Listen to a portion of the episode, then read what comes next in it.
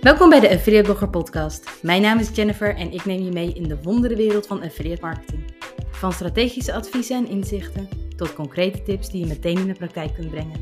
Laten we beginnen! Weet je waar ik blij van word? Van affiliates die niet alleen maar kijken naar de commissies en juist ook de stoute schoenen aantrekken om de samenwerking nog meer vorm te geven in allerlei vormen. Zoals bijvoorbeeld het schrijven van content of het plaatsen van banners of het beschikbaar maken van een plekje in de nieuwsbrief. Ik werk natuurlijk ook als freelancer voor hele toffe, gave merken van rituals tot Marlies Dekkers. En ik kan het zo ontzettend waarderen als een affiliate aangeeft niet alleen maar op commissiebasis te werken, maar juist een hybride vorm aan te willen gaan. En daarmee bedoel ik een stukje commissiebasis, inclusief bijvoorbeeld het krijgen van een product, een shoptegoed of een vast bedrag bijvoorbeeld. En ik vind dat zoiets tofs. Dat zit hem in twee facetten. Allereerst, je vindt blijkbaar de samenwerking zodanig belangrijk dat je de moeite neemt om dit te delen. En ten tweede, neem je daarmee jezelf in bescherming. Je weet wat je waard bent en besluit het gesprek hierin te openen. En nee, lang niet iedere adverteerder staat hiervoor open. En ook bij mijn klanten past het lang niet altijd in het budget. Maar dat neemt niet weg dat het op een ander moment mogelijk wel kan. En je hebt het daarmee dus al aangegeven. Dus je staat al sneller hoger op een lijstje. Je bent al sneller top of mind, omdat je het al een keer eerder hebt aangegeven. En natuurlijk, op een ander moment kan het wel mogelijk zijn.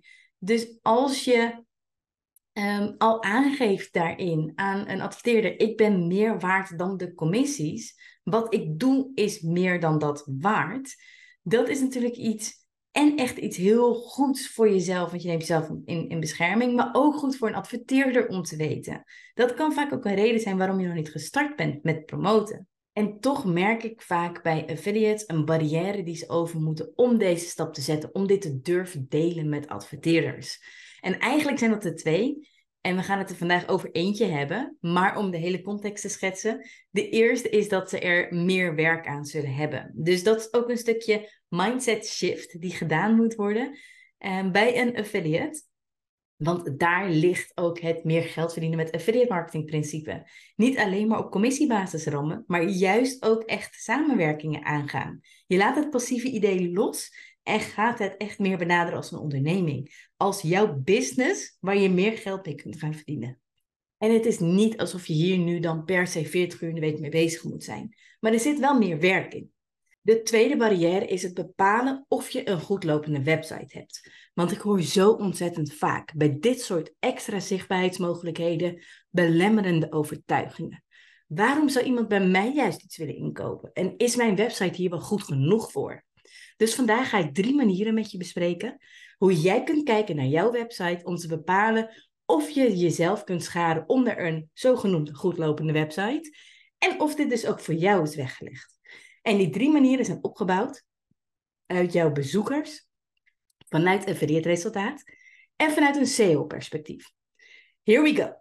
Laten we beginnen bij jouw bezoekers. Want jouw bezoekers die op jouw website komen, hebben invloed op jouw statistieken. Je weet als het goed is via bijvoorbeeld een Google Analytics of een ander dataverzamelingstool hoeveel bezoekers er op jouw website komen. Hoeveel hiervan unieke bezoekers zijn, hoeveel er in totaal zijn, maar ook hoeveel sessies en paginaweergaven dit je oplevert. Extra inzichten zoals de tijd dat ze spenderen op jouw website geeft ook een nieuw perspectief. Je kunt hierin de spelregel hanteren dat hoe meer bezoekers je hebt, je meer kans zou kunnen hebben op conversies voor een adverteerder en je daarmee waardevoller bent. Dus dat is wel hoeveel adverteerders er ook naar kijken. Je jezelf dus ja, eigenlijk op die manier veel meer onder een goed lopende website kunt scharen. Maar er is één hele grote maar hierin. Hoe meer niche jouw platform is, hoe lastiger het wordt om veel bezoekers te realiseren. Dus plaats dit wel in een perspectief. Neem bijvoorbeeld affiliateblogger.nl. Dit is extreem niche en draait echt alleen om affiliate marketing. Ik heb hier in oktober 2023 1625 gebruikers gehad. Die resulteerden in 2111 sessies. Nu klinkt ruim 2100 sessies niet per se als heel veel, Maar als ik een adverteerder zou hebben die binnen affiliate marketing iets wil doen aan extra exposure, aan extra zichtbaar zijn, bijvoorbeeld omdat ze een bepaalde tool hebben voor affiliate marketeers, dan zit je met 2100 sessies vanuit de 1625 best goed. Want niet iedereen zal het blogartikel over zo'n tool lezen, maar wie het leest zijn wel echt je potentiële klanten. En dat is de kracht van een niche. Twee handige extra feitjes. In oktober zijn uh, mensen meer dan twee minuten gemiddeld op de website geweest. Wat kort klinkt, maar eigenlijk best lang is. Ze lezen dus wel echt of scrollen wel echt door de website heen. Want ik heb namelijk meer dan 11.000 pagina views in oktober.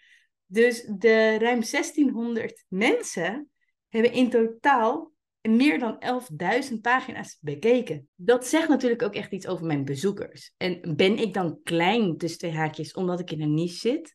Maybe, maar ik schaar mezelf wel onder een goed lopende website, omdat de cijfers me dat ook laten zien. De mensen die erop komen zijn kwalitatief.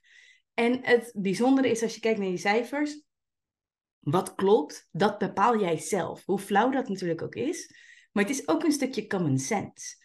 En heb je bijvoorbeeld 200 bezoekers in de maand? Dat is in mijn ogen vooral een teken van potentie. En je hebt dus al bezoekers. Het laat zien dat er ongetwijfeld meer in kan zitten. Ik zie je dan waarschijnlijk niet meteen in mijn top 10 terugkomen als potentiële affiliate, waar ik nog veel meer mee zou willen doen op basis van het resultaat.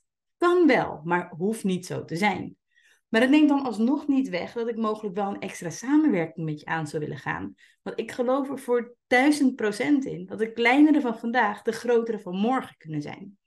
Met 200 bezoekers vraag je overigens wel andere bedragen dan met 2000 bezoekers of met 20.000 bezoekers. Daar gaan we het later nog even over hebben. Maar ik ga eerst het bruggetje met je slaan naar SEO-technisch. Bepalen of je een goed lopende website hebt, kan namelijk ook vanuit een SEO-perspectief. Um, daarmee kun je bijvoorbeeld kijken op basis van uh, ja, je, je domeinautoriteit, domain authority van uh, MOS. En mijn domeinautoriteit met Wheel of Webshops, dat is echt de, ja, het, het woord zegt eigenlijk al natuurlijk, de domeinautoriteit. Um, ligt bij of Webshops bijvoorbeeld op 26 en Affiliate Blogger op 27. En iets wat ik heb gemerkt in de praktijk is dat een aantal linkbuilding agencies, dus waarbij ze echt content bij jou inkopen om zo andere klanten van hen eigenlijk beter gevonden te laten worden. En bijvoorbeeld via een Google of een andere zoekmachine. Die willen in een aantal gevallen pas samenwerken um, door extra content bij jou in te kopen vanaf een domain authority, een DA, van 10. En als je net begint, is 10 echt wel een hele kunst om te bereiken. Hoe hoger je domeinautoriteit, hoe meer je dus volgens de standaarden van MOS gezien wordt als kwalitatief en daarmee goed. Ik vind zelf persoonlijk de statistieken uit Google Search Console ook echt mega interessant om hierin mee te nemen. Welke posities claim je? Hoeveel vertoningen en klikken heb je binnen en vanuit de zoekmachines? Dit deel geeft jezelf vooral ook meer gevoel wat je waard bent. Ik zie bijvoorbeeld dit soort statistieken eigenlijk niet terugkomen bij affiliates als ze bijvoorbeeld meer willen delen over hun website richting een adverteerder. Ik ontvang regelmatig media kits met meer aanvullende informatie, dit soort statistieken zie ik vaak niet terug. Maar neem niet weg dat jij daardoor wel een beter gevoel kunt krijgen bij hoe je gevonden wordt. Hoe, hoe je ja, onder de aandacht komt via de zoekmachines. En daarmee dus ook een stukje wat je waard bent. Goed, ben je klaar voor het affiliate bruggetje? Want dat is denk ik wel de meest voor de hand liggende hierin. En ook het meeste waar adverteerders naar kijken. Hoe meer commissie je nu al doet, hoe makkelijker het namelijk is om extra zichtbaarheid bij je in te laten kopen dat je converteert is altijd beter dan niet converteren. En daarmee bedoel ik dat je ervoor zorgt dat de transacties plaatsvinden bij een adverteerder, is altijd beter dan dat je niet triggert tot aankoop. Het maakt het overigens wel makkelijker of je iedere maand 5000 euro of 50.000 euro oplevert voor een adverteerder dan 100 euro. En dat zit hem in het stukje risico.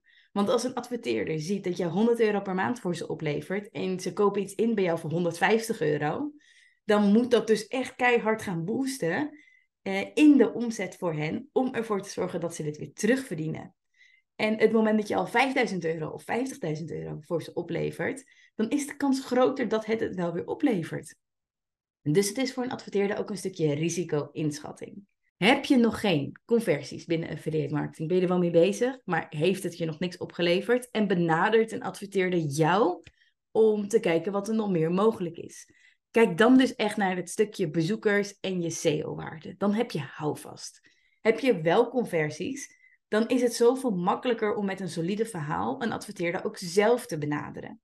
Weet je, als een adverteerder jou benadert, kun je ook zeker als je al conversies hebt binnen affiliate marketing dat vasthouden. Ook al is het voor een andere adverteerder. Noem daarin niet letterlijk je cijfers. Ik doe X voor je grootste concurrent.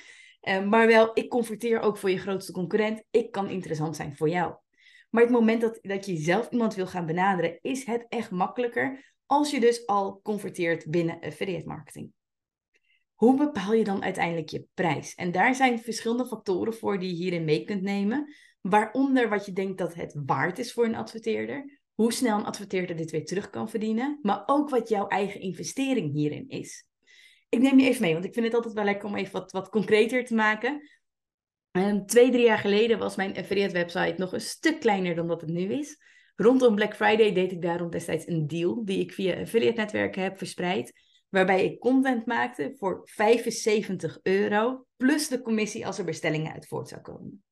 En dat is super interessant voor een adverteerder in deze periode van het jaar. Want één, het is een laag risico. 75 euro kan bijna niet misgaan. En heel veel adverteerders hebben dit budget nog wel over. En in het geweld van Black Friday is dit knetter goedkoop. Ik zie pakketten voorbij komen rondom een Black Friday die 10k plus zijn, dus 10.000 euro of meer kosten. 75 euro, dat is echt een no-brainer voor adverteerders. En zo kon ik mijn eerste adverteerders triggeren om met me te gaan samenwerken. Kom dit tijdtechnisch uit? Dat is net hoe lang je er één mee bezig bent en twee, wat je echt daar tijd waard vindt. Um, in theorie voor mij niet, want ik freelance natuurlijk ook. Dus in die zin levert het freelancen meer op als ik hem één op één daarmee zou kunnen vergelijken. In dit scenario, als ik kijk naar die 75 euro voor een blogartikel, als je ook kijkt naar het schrijven van een blogartikel, als je redelijk snel bent met schrijven en niet veel voorwerk hoeft te doen om dingen uit te zoeken, ben je alsnog snel anderhalf uur bezig. En anders misschien nog wel langer.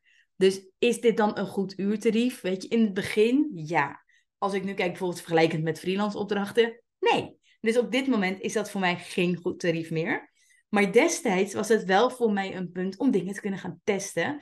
En over het algemeen Weet je, als je 500 euro voor een blogartikel vraagt en het levert het niet op, kunnen adverteerders makkelijker bij je aankloppen. Zullen ze ook sneller bij je aankloppen met het idee van, joh, het heeft het niet opgeleverd. 75 euro is vaak die moeite al niet eens meer waard om daar achteraan te gaan. Dus dat is ook een belangrijke kanttekening daarin. Het is dus echt een stukje safety. Het is echt een stukje veiligheid die je creëert daarin voor jezelf. Maar stel, even als tegenhanger. Stel je hebt een, een nieuwsbrieflijst. En je zou een multi-advertising, ja, multi-advertiser mailing doen. En dus een nieuwsbrief waarbij je vier of vijf adverteerders bijvoorbeeld benoemt met een Black Friday deal. Dan kun je per plekje een andere prijs vragen. En sla je vier of vijf adverteerders in één keer in één extra exposure mogelijkheid, in één stukje extra zichtbaarheid. Um, ja, opportunity voor hen. En dat kost je maar één keer tijd. Dus stel, je hebt een nieuwsbrief met vier plekjes. Eén plekje, het eerste plekje, die verkoop je voor 100 euro. Die is meer waard dan plekje 2. Plekje 2 verkoop je voor 80, plekje 3 voor 60 en plekje 4 voor 40. Dat betekent dat je in één nieuwsbrief 280 euro kunt verdienen. Waarschijnlijk in dezelfde tijd als je het blogartikel schrijft. Dus kijk daarin ook naar de mogelijkheden. Wat voor een adverteerder interessant kan zijn. Is jouw nieuwsbrieflijst groter en meer koopbereid dan bijvoorbeeld jouw website? kies voor je nieuwsbrief. Kijk of je daar dus meer aan kunt gaan verdienen op die manier. En dit is dan die 280 euro, even ter, ter extra illustratie, plus commissie. Hè? Dus wat daar dan nog uitkomt, levert je dus ook nog geld op. Prijzen bepalen draait daarin vooral om, hoe lullig dat ook klinkt, wat de gek ervoor geeft. Het draait om wat jij waard bent, wat jij vindt dat je waard bent in realistische zin dan, want ook ik vraag geen 500 euro per blogartikel. Je moet het wel waar kunnen maken voor een adverteerder. Ofwel in commissies en opbrengsten, ofwel in zichtbaarheid. Ehm, en waar natuurlijk ook de urgentie op zit. Weet je, als je nu kijkt naar een Black Friday periode of een Valentijnsdag of een ander commercieel moment, daar zit een urgentielaag op. Dat is anders dan dat je op een random door de weekse dag zonder actie groot moment een mailing wilt gaan versturen.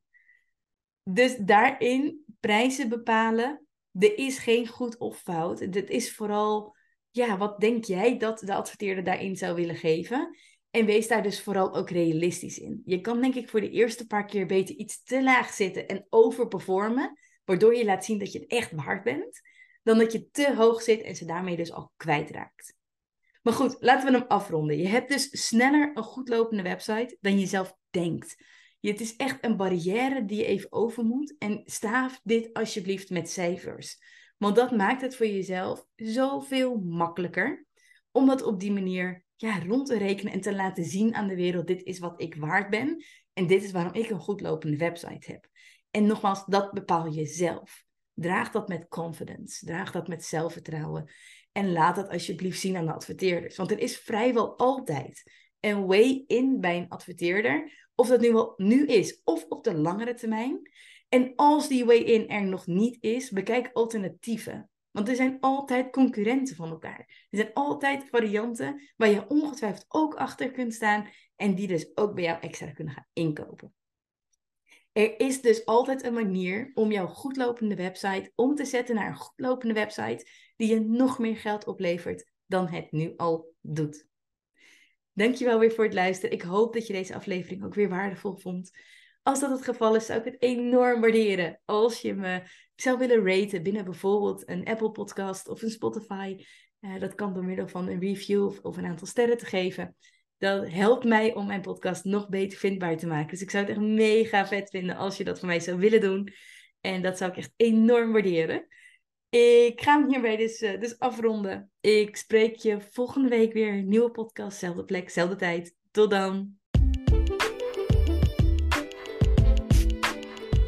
Yes, dat was hem weer voor vandaag. Bedankt voor het luisteren naar deze podcast. Als je hier waarde uit hebt gehaald, zou ik het heel leuk vinden als je deze podcast wilt beoordelen in jouw favoriete podcast app. Heb je een topic of concrete vraag dat je graag terug hoort in een podcast? Stuur me dan zeker even een berichtje via Instagram, LinkedIn of via affiliateblogger.nl. Tot snel!